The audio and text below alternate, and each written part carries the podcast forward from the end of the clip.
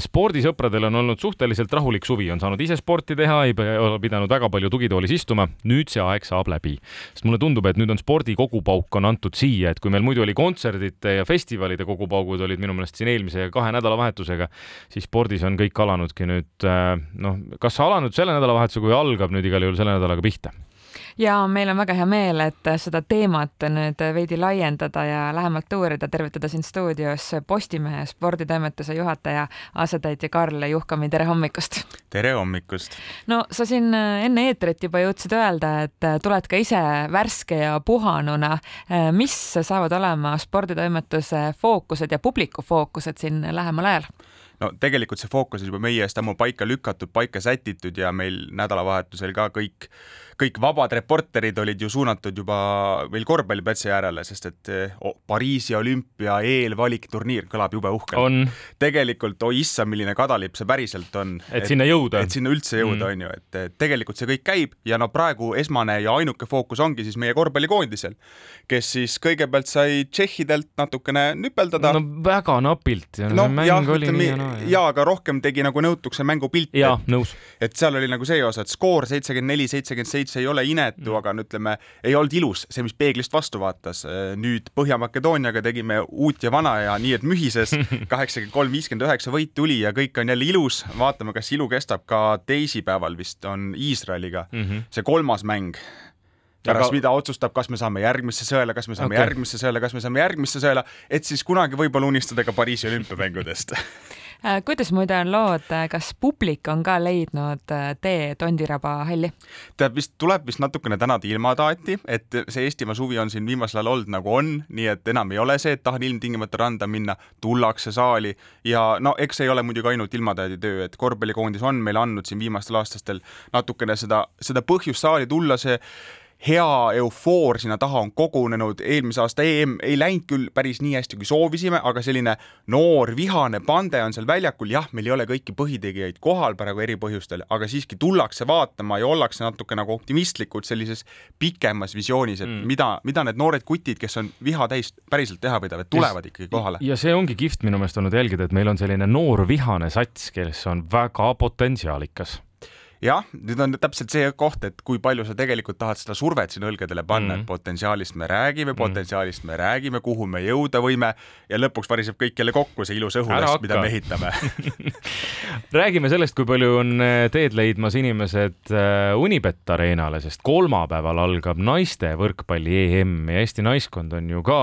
äh, alustamas, nii et ma ei tea, kuidas ennustada, kus Unibet Arena saab olema täis täituvusega ilmselt noh, ütleme täismaja ei saa. kui me saame mingid numbrid, mis on võrreldavad nüüd siis kahe aasta taguse meeste EM-iga, kui meil samamoodi ju siin võrkpallipidu oli täies hoos, siis on väga hästi. et äh, kui, kui mälu ei peta, siis ütleme Eesti-Soome mänguks oodatakse ikkagi rahulikult äh, üle, üle kahe tuhande inimese rahulikult mm, -hmm. isegi Soomest oodatakse väga palju, sest so ühe vastase sai Eesti endale ise valida, Soome me võtsime ütleme nii, et mm. osatakse mõelda ka nii-öelda turundusliku seisukoha pealt, et kust fänne meelitada, et täismaja me ei saa, aga see ei tähenda, et need tribüünid tühjaks jäävad, kaugeltki mitte, seda ohtu mina ei näe ja kellelgi vähegi võimalik, minge kohale, sest et sellist tipptaset jah, naiste võrkpall ei ole võib-olla see, mida siin nii-öelda diivanile kukkudes kohe televiisori puldist käima paned, aga tegelikult äh, tasub ikkagi vaadata, kui sulle tuuakse koju ikkagi maailma tipptase. Holland, meie kolmas vastane, üks alagrupi vastastest, noh, Riia olümpia neljas naiskond, äh, viimasel EM-il oldi samuti neljandad, no me räägime ikkagi väga tipust aga millises hoos või vormis on prognoosi järgi meie oma koondis?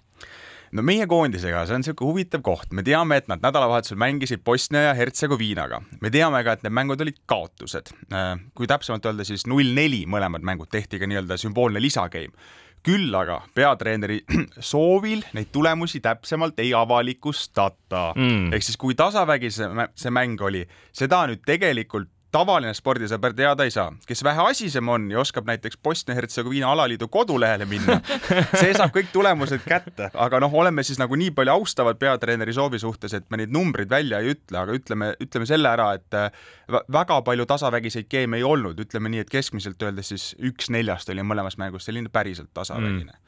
samas tasub ka rõhutada seda, et äh, seal ei mängitud mitte nii-öelda Bosnia vastu, vaid meie kujutletavate vastaste vastu. see on nüüd väga nagu metatasandi mõte, aga piltlikult öeldes üritati treenida lihasmälu selleks, et sul päris EM-il on veel kõrgemad käest vastas Okei. ja sa harjud lööma veel kõrgemale Aa. mitte see, et sa näed, et praegu on sõrmed siin kahe meetri kõrgusel ja löödki sinna, vaid sa juba harjud, et käsi hakkaks lööma kaks kahekümne peale et äh, tänapäeva tippspordis käivad ikkagi mõttemängud juba sellisel tasandil Okei. et, et tulemused ei ole ainult justkui julgustavad naistekoondise osas, aga noh, naistekoondise puhul me niikuinii ei räägi mingisugusest kaugele purjetamisest, vaid me räägime sammude tegemisest ja, ja kolmas mäng Soomega, vabandust, teine mäng, alagrupi mäng Soomega ongi see, mille peale kogu põhirõhk läheb, sest kui me olime kaks tuhat, nüüd mul läheb endal ka sassi, eelmine kord, kui Eesti naiskond sai Mhm. EM-ile, me saime game'i kätte ja me saime punkti kätte kaks-kolm kaotusega Aserbaidžaanile. aga nüüd me läheme seda esimest võitu jahtima, ehk siis Mm. nagu samm-sammult on see tee, mida meil tuleb hakata ehitama. Läheme nädalavahetusse, et kui siin nädala sees saab Eestis kaasa elada, siis tegelikult ma tean, et väga paljud kergejõustikufännid sõidavad Budapesti, sest kergejõustiku MM algab juba sel nädalavahetusel ja no ma küsin kohe ära, mitu medalit tuleb Eestile? Jah, sa tahad kohe seda kõige magusamat asja teada.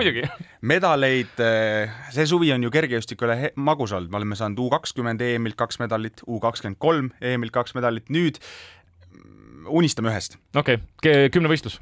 kümnevõistlus on see, kus alati kõike võib juhtuda ja isegi kui praegu vaatad otsa, et Karel Tilga oli eh, edetabelis äkki üheksas või kümnes oma, oma kaheksa tuhande neljasaja kaheksakümne kahe punktiga, jah, punkt, punkte tuleb hakata, hakata no meelde seal on nii tasavägine ka muidugi seal kümnevõistluses viimasel ajal juba see konkurents, et ja noh, kümnevõistlus on see, et seal juhtub, seal mm. -hmm. alati juhtub, me nägime seda talvel, kui Risto Lillemets tuli pronksile, kas nüüd juhtub samas suurusjärgus, ehk siis noh, piltlikult öeldes riburada pidi järjest seal kuus-seitse-kaheksa meest eest ära pudeneb, ei tea, aga kümnevõistluses on selline väga suur juhus alati sisse, sisse kodeeritud ja selle, selle vastu ei saa, aga ütleme nii, et kui sa millestki unistada tahad, siis kaheksa tuhat viissada on miinimum pigem natukene rohkem, sest noh, eelmine aasta jäid sul kaheksa tuhande viiesajaga tühjad pihud ikkagi jätkuvalt. mm. -hmm. Äh, kuidas äh, sa näed Postimehe online'i lugejanumbrite põhjal, kas eestlased armastavad jätkuvalt kergejõustikku? Kergejõustik on suur armastus, mitte nii kui su suur kui ralli, et äh, selle vastu ei saa mitte kuidagi. et rallit ikkagi nähakse unes ilms ja ilmselt äh, ka hommikusöögi alla ja peale, aga kergejõustik paneb südame põksuma, seda on näha ja mis põhiline, needsamad punktid, millega ma siin korraks koperdasin, et ei olnud Karel Tilga punktisumma kohe peas äh, väga paljudel eestlastel on, väga Ja, paljud eestlased kirjutavad, kui need tulevad vead, tulevad komakoha vead, need kirjad, kergejõustik on ilmselt ala, kus meie saame kõige rohkem nii-öelda no ütleme Täpsustusi. siis täpsustus meile jah, väga Mm. ilus sõna, just aga meil on mõned asjad veel, sellepärast et see ei ole sugugi kõik juba augusti lõpus, kui me naiste võrkpalli EM-ist räägime, siis meeste võrkpalli EM algab ju ka.